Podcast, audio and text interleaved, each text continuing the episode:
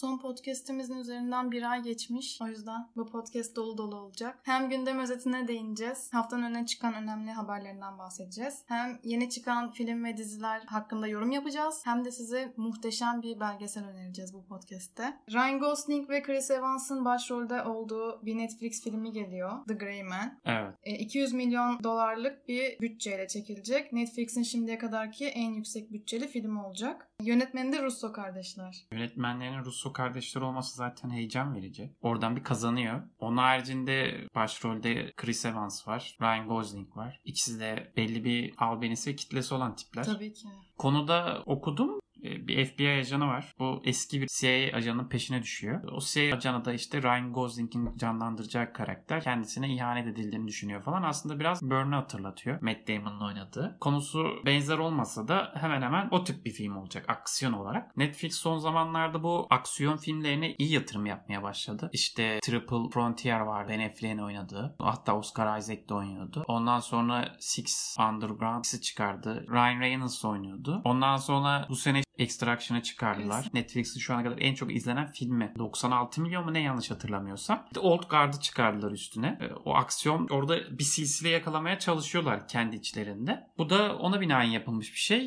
E, Diğerlerinden daha iyi olur gibime geliyor. Çünkü yani Russo kardeşler yönetmen olarak bence aşırı başarılılar. Evet kesinlikle o yüzden mesela bu film bana hitap etmeyecek bir film aslında aksiyon olduğu için tam senlik ama Russo kardeşler olduğundan dolayı ben izlerim bunu kesin merak da ediyorum. Yani ben de kaçırmam. Kesin izlerim. Bir de seri yaparlarsa ki öyle bir dedikodu dönüyor. Tadından yenmez yani. Netflix'e yeni bir film daha geliyor 16 Eylül'de Netflix kütüphanesine eklenecek bu film çok daha heyecan verici bir kadroya sahip Robert Pattinson, Tom Holland, Bill Skarsgård, Sebastian Stan daha ne olsun onu da merakla bekliyoruz yönetmeni de Antonio Campos Hiç Af- duymadım onu. Tam diyecektim ki biliyorsun Simon Killer, Kristen filmlerinin yönetmeni. Yok. Bakalım nasıl bir film olacak onu da merak ediyorum. Kadro, kadro iyiymiş ama. Kadro efsane. Konusu da bir romana dayanıyor. Ondan uyarlanacakmış yani. İkinci Dünya Savaşı'nın son dönemlerinden 1960'lara kadar uzanan bir hikayeye odaklanacakmış. Savaş gazisi bir adamın eşi kanserden ölüyormuş. Adam bunun yasını tutarken oğlu da kendini korkak bir çocuktan ne yapması gerektiğini bilen ama şiddete de meyilli bir insana dönüştürüyormuş zaman içinde. Dram izleyeceğiz. Aynen ama diğer yandan seri katil bir çift var. O da yeni kurbanlarını arıyor. Bir rahip var. Yani garip böyle çok fazla karakter var. Tarantino Tarantino hikayesi gibi. Direkt aklıma Quentin Tarantino geldi yani. Onda da böyle garip tipler kesişir ya bir yerde. Evet çok fazla karakter var ve hepsinin farklı farklı odaklandığı şeyler var. Bakalım. Yani kadroda çok sağlam. Gerçi bu kadar iyi oyuncuların bir arada olduğu dizi ya da filmler genelde fos çıkıyor ama inşallah böyle olmaz. Bakalım yani bunda öyle bir yükselme. Aa ben çok yükseldim. Ee, Elizabeth Moss'un yeni dizisi geliyor. Bu da beni heyecanlandırdı çünkü seri katil ya da katil konulu filmleri, dizileri seviyorum. Kim yapıyor biliyor musun? Televizyon kanalı. Kim? Bilmiyorum işte sana soruyorum. Çünkü yani HBO yapıyorsa okey tamam çok iyi heyecanla bekleriz. Netflix'i yapıyorsa belki. Kim yapabilir başka? Amazon yapıyorsa evet bir tık daha iyi bekleyebiliriz. Ama HBO yapıyordur ya umarım. Diğer türlü çünkü sıçma ihtimali yüksek yani. Açıklanmamış. Neyse çıkar ortaya yani o bunu yayınlayacak şey önemli. Film önemli bence. Ee, dizinin konusu da şöyle. 1980 yılında Candy Montgomery adında bir kadın arkadaşını baltayla öldürüyor ve bu kadın çok sıradan bir ev hanımı aslında. Mutlu bir ailesi var. İşte çok tatlı bir çocuğu var. Ama bir gün böyle bir katil olası gelmiş. Hı, kafasını esiyor. Aynen Elizabeth Moss da bu filmle ilgili şey demiş. Bana Teksaslı bir ev hanımını oynamak isteyip istemediğimi sordular. Nereyi imzalamalıyım diye sordum. Hani heyecanlandırdı beni bu teklif. Çünkü anti kahramanı oynamayı çok istiyordum demiş. Bence Hmm. iyi de oynar yani. Anti kahraman evet ilginç bir detay orada. Evet. Yer yer hak vereceğiz anlamına geliyor. Dün mü Cem Yılmaz bir tweet atmıştı yeni filmiyle ilgili. Ona sen daha hakimsindir. Erşen Kuneri. Çok hakim değilim aslında ama Erşen Kuneri. Biliyorum Gora'daki efsane film yapımcımız. Yani karakter Erşen Kuneri. Yer yer Gora'nın önüne geçen bir şey. Hep yıllar sonra Gora'yı konuşursun ama Erşen Kuneri'yi de yanında konuşursun. Öyle bir karakterdi. Hatta şeyde de vardı. Bu Arif ve 216 filminde de vardı. Gene o sahneler çok eğlenceliydi. Ve ben acayip merakla bekliyorum. Dizi olur diyor. Dizi olursa da zaten büyük ihtimal Netflix'le yapar. Yalnız bir restleştiler onlar. Aynen restleştiler ama sonra arayı buldular galiba günün sonunda. Ortak nokta para olunca Aynen. Arayı bulurlar. Gerçi Blue TV de olabilir. Şu an tweetten anladığım kadarıyla hiçbir şekilde hiçbir firmayla anlaşmadılar. Sadece ve sadece bir tane görsel var. Eski Oradan birkaç replik var. Aynen. Çalışma yapmış. Onun haricinde hiçbir şey yok. Yani büyük ihtimal şu an ıı, senaryoyu ve hikayeyi kafasında kurgulamaya çalışıyor. Çok eğlenceli ve sıra dışı bir şey olabilir. Yani alışılmışın dışında bir şey görebiliriz orada. Ben sağlam bir şey çıkacağını düşünüyorum. 2022'ye hazır olur demiş. Tamam bekleriz iki sene sıkıntı yok. Sen girişte de bahsettin. Charlize Theron'un başrolde olduğu The Old Guard filmi.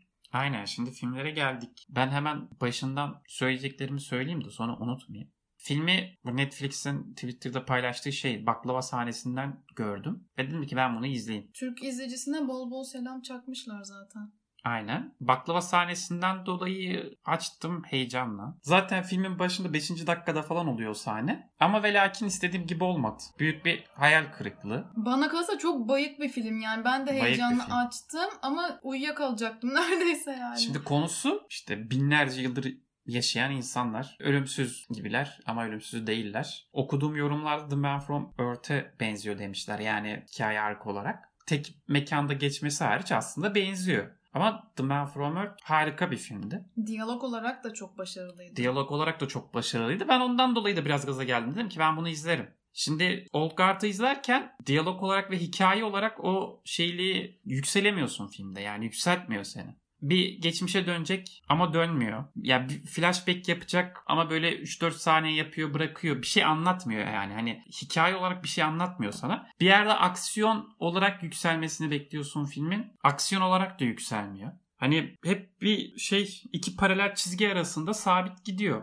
O yükselmemesi ve bayık devam etmesi çok kötü olmuş. Bir şekilde ya senaryo olarak ya aksiyon olarak tatmin etmesi lazımdı ama iki taraftan da tatmin edemedi. O yüzden büyük hayal kırıklığı. Zaten Char- Ama dediğim gibi yani hikaye çok şey güzel geliyor ilk başta bakınca. Ölümsüz insanlar işte yıllar boyu yaşamışlar, bir sürü savaş görmüşler, hastalık görmüşler. Çok daha iyi olabilir. Ama devamı da gelecek gibi bakalım. devamı gelecek gibi bitti zaten de Charlize Theron oynamıyor olsa ya da baklava işte Türkiye e, göndermeleri olmasa bence bu kadar izlenmezdi Türkiye'de diye düşünüyorum. Evet büyük ihtimal ben de izlemezdim. Duymazdık bile ismini. Ama dediğim gibi yani sırf The Man From Earth'e biraz benzemesi bile benim izlemem için yetti. Ama kötüydü yani hayal kırıklığıydı. İki hafta oldu sanırım The Politician'ın ikinci sezonu geldi. Ben ilk sezonu daha çok sevmiştim. İkinci sezon da gayet iyiydi bence ama e, ilk sezonda River karakterinin ölmesini ben hala aşamadığımı fark ettim. Spoiler'ı da vermiş olduk burada. ya. Neyse zaten çat diye gidiyor adam ya. evet izleyen gerçi zaten başında da gösteriyorlar öldü. Neyse çok önemli değil. Aslında spoiler sayılmaz. İlk sezon biraz daha oturmuş gibiydi. İkinci sezonda bir şeyler eksikti. İlk sezonu ben senin kadar dikkatli izlemedim. Ama The Politician zaten senaryosu çok iyi. Hikaye de çok iyi. Ryan Murphy zaten çok kaliteli işler yapıyor. Adamın her işi bir şey yani nasıl desem görsel şölen. Hikaye olarak da sağlam şeyler yazıyor. The Politician'dan hiç bahsettik mi? İstersen biraz konusundan bahset. Ne anlatıyor? The Politician dizisi ileride ABD başkanı olmak isteyen Peyton adında bir lise öğrencisini konu alıyor. İkinci sezonda da zaten Peyton üniversiteye geçmiş oluyor. Dizi boyunca çok çeşitli karakterler var. Çok farklı yerlere evrilebiliyor. Günümüz siyasetine ve sorunlarına da değiniyor. Bu çok hoşuma gidiyor. Netflix'in bence en sağlam işlerinden biri diyebilirim. Kesinlikle o Amerika'daki seçim sistemini lise versiyonunda çok güzel uyarlamışlar. Çok güzel anlatmışlar. Hani başkan nasıl seçilir, başkan yardımcısı vesaire. Tam bir örneği olmasa da o yarış heyecanı yani siyasi olarak çok güzel anlatmışlar. Siyasetin karanlık yüzüne. Aynen siyasetin karanlık yüzünü çok güzel anlatmışlar. İkinci sezon karakterimiz vites yükseltiyor ve eyalet senatör, senatörlüğüne aday oluyor. İlk sezon kadar olmasa da ikinci sezon bence sürükleyiciydi ve ikinci sezonda hem yaşlı insanlar hem genç Z kuşağı dediğimiz Evet. iki hatta boomer diyebiliriz o yaşlı insan kuşağına. E, Boomer ve Z kuşağı arasındaki çatışmayı çok güzel anlatmış. Fikir ayrılıkları. Çok güzel e, tartışmalar Diyaloglar da gördük. çok güzeldi. Aynen Evet. bayağı çok bayağı iyiydi. Ben zaten o kısımları çok sevdim. Yani ilk sezona göre biraz şeydi. Hikaye düşük mü kaldı denir? Ne denir ona? Biraz Heyecan yavaş düşüktü. Evet heyecanı daha düşüktü. Ama diyaloglar ilk sezona göre bence daha iyiydi. çok güzel tespitler vardı. İlk sezonda tüm karakterlere tek tek odaklanılmıştı. İşte bunun olayı bu, şu şöyle gözüküyor ama aslında arka planında bunlar var vesaire gibi. Ve aslında olaylar ön plandaydı. Evet. Bu arada bu dizi e, Ryan Murphy iki sezonluk olarak anlaşmış diye biliyorum Netflix'te. Şey garip bitti zaten sonra ama 3. sezonu gelecek gibi. İnşallah gelir ben çok seviyorum. Çünkü ikinci sezonu biraz böyle şey bitirmişler. Yani hızlı gitti hızlı bitti. Evet bir anda bitti gerçekten. Ama 3. sezonu gelecek gelir bence. Çünkü şey ya bittiği yer 3. sezon ben geliyorum diye bağırıyor yani. Sırada ne var? Sırada podcast'in en başında söylediğim muhteşem belgesel önerimiz var. Muhteşem. Çok büyük beklenti Evet. oldu ama yani. Bence çok güzel. Bu arada ben Zac Efron için bildiğin Ergenus diyordum biliyorsun. Hatta sen Zac Efron'un belgeseli var izleyelim dediğinde tepkimi hatırlıyorsundur. Yok Evet. artık ne alaka ergen miyiz biz dedim. Ama adam dünya sorunlarına güzel eğilmiş. Yani- Ben de ilk gördüğümde dedim ki Zac Efron'un belgeselini mi izleyeceğim? Yok artık falan dedim. Ama Özel hayatında gayet aklı başında bitirmiş yani. aynen biraz araştırdım. İzleyenler şey beğenmiş. Hani o Disney'deki Zac Efron kafamızdaki o ergen imaj aslında belgeselde yok. Yani ön yargılı bakmışız aslında. Belgeselin ismi Down to Earth with Zac Efron. Her bölümü bir öncekinden daha iyi bence.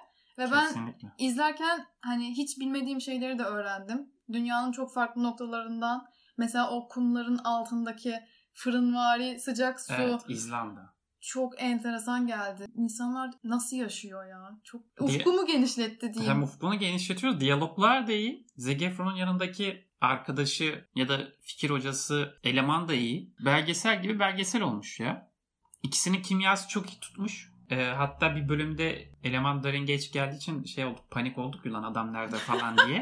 evet İkisinin ya. kimyası çok iyi. Zac Efron'un o sonraki seslendirme aşamalarındaki tabii metinleri kendi yazmıyordur da o düşüncelerini aktar aktarması ve düşüncelerini aktarış biçimi de çok keyifli ve eğlenceli. O İzlanda bölümünde hatırlarsın hani adam geliyor yanlarına şimdi bizi bilgiye boğacak falan diyor. Sonra adama sordukları hiçbir sorunun cevabını alamıyorlar falan. Hani onu belgeselde çok şey güzel vermişler. Evet esprili de aslında. Evet esprili insanı izlerken sıkmıyor. Yani evet tamam dünyanın sorunlarına eğiliyor. Dünyaya daha anlayışlı ve naif davranmalıyız. Ama bunu motomot bir şekilde vermiyor. Dilleri çok iyi. Hikaye anlatış biçimleri de çok iyi belgeselde. Gittikleri yerler de çok iyi. O bildiğimiz ve alışa geldiğimiz yerlerde dolaşmıyorlar genelde. İşte Costa Rica'ya gidiyorlar. Porto Rico'ya gidiyorlar. O işte Irma kasırgasıydı galiba 2017'de olmuş. Yani ben öyle bir kasırga olduğunu hiç hatırlamıyorum. O Porto Rico'daki bölüm de çok iyiydi. Porto Rico bölümü. Ya ben çok sevdim. Herkese de izlemesini tavsiye ederim. Hani Zac Efron var diye olan bunu mu izleyeceğiz diye düşünmeyin. İzleyin akıyor yani. Netflix'te daha önce izlediğimiz böyle seyahat e, belgeseli vardı. Conan Without Borders. Çok güzeldi o da. Onu da önerelim yeri gelmişken. Eğer seyahat belgesellerini seviyorsanız Conan'ı da tanıyorsunuzdur çoğunuz. Adama o belgeselde saygın bir kat daha artmıştı. Conan O'Brien. Evet. Mizah anlayışıyla bütün ülkelerdeki değişik geleneklere işte insanları durdurup diyaloglarını falan her şeyi yansıtıyor ve çok şaşırdığımız noktalar olmuştu orada da. Niye Türkiye bölümü yok diye de sitem etmiştik. Aynen. evet o da bayağı iyiydi ya. Dark Tourist var bir de. Dark Tourist'te işte 8 bölüm kadar gitti. Yanlış hatırlamıyorum. Son 2 bölümü izlemedik. Çünkü Evet. bir yerden sonra sıktı. Yani oradaki metin yazarında iş yokmuş öyle diyebilirim. Ama Dark Tourist'in konusu da çok enteresan gerçekten. Benim çok ilgimi çekmişti bu arada. İşte- He- hepsi Netflix'te var bu Evet dediklerimizin. hepsi var. E, Dark Tourist'te korkunç ve tehlikeli yerlere gidiyorlar. E, hatta mekan dışında işte şehir ya da ülke dışında bu tarz turlar yapan e, Tur şirketlerin de firmaları. turlarına katılıyor. Mesela Ya vampirlerin adamlar vampir insanlar var aynen. Kan falan içiyorlar.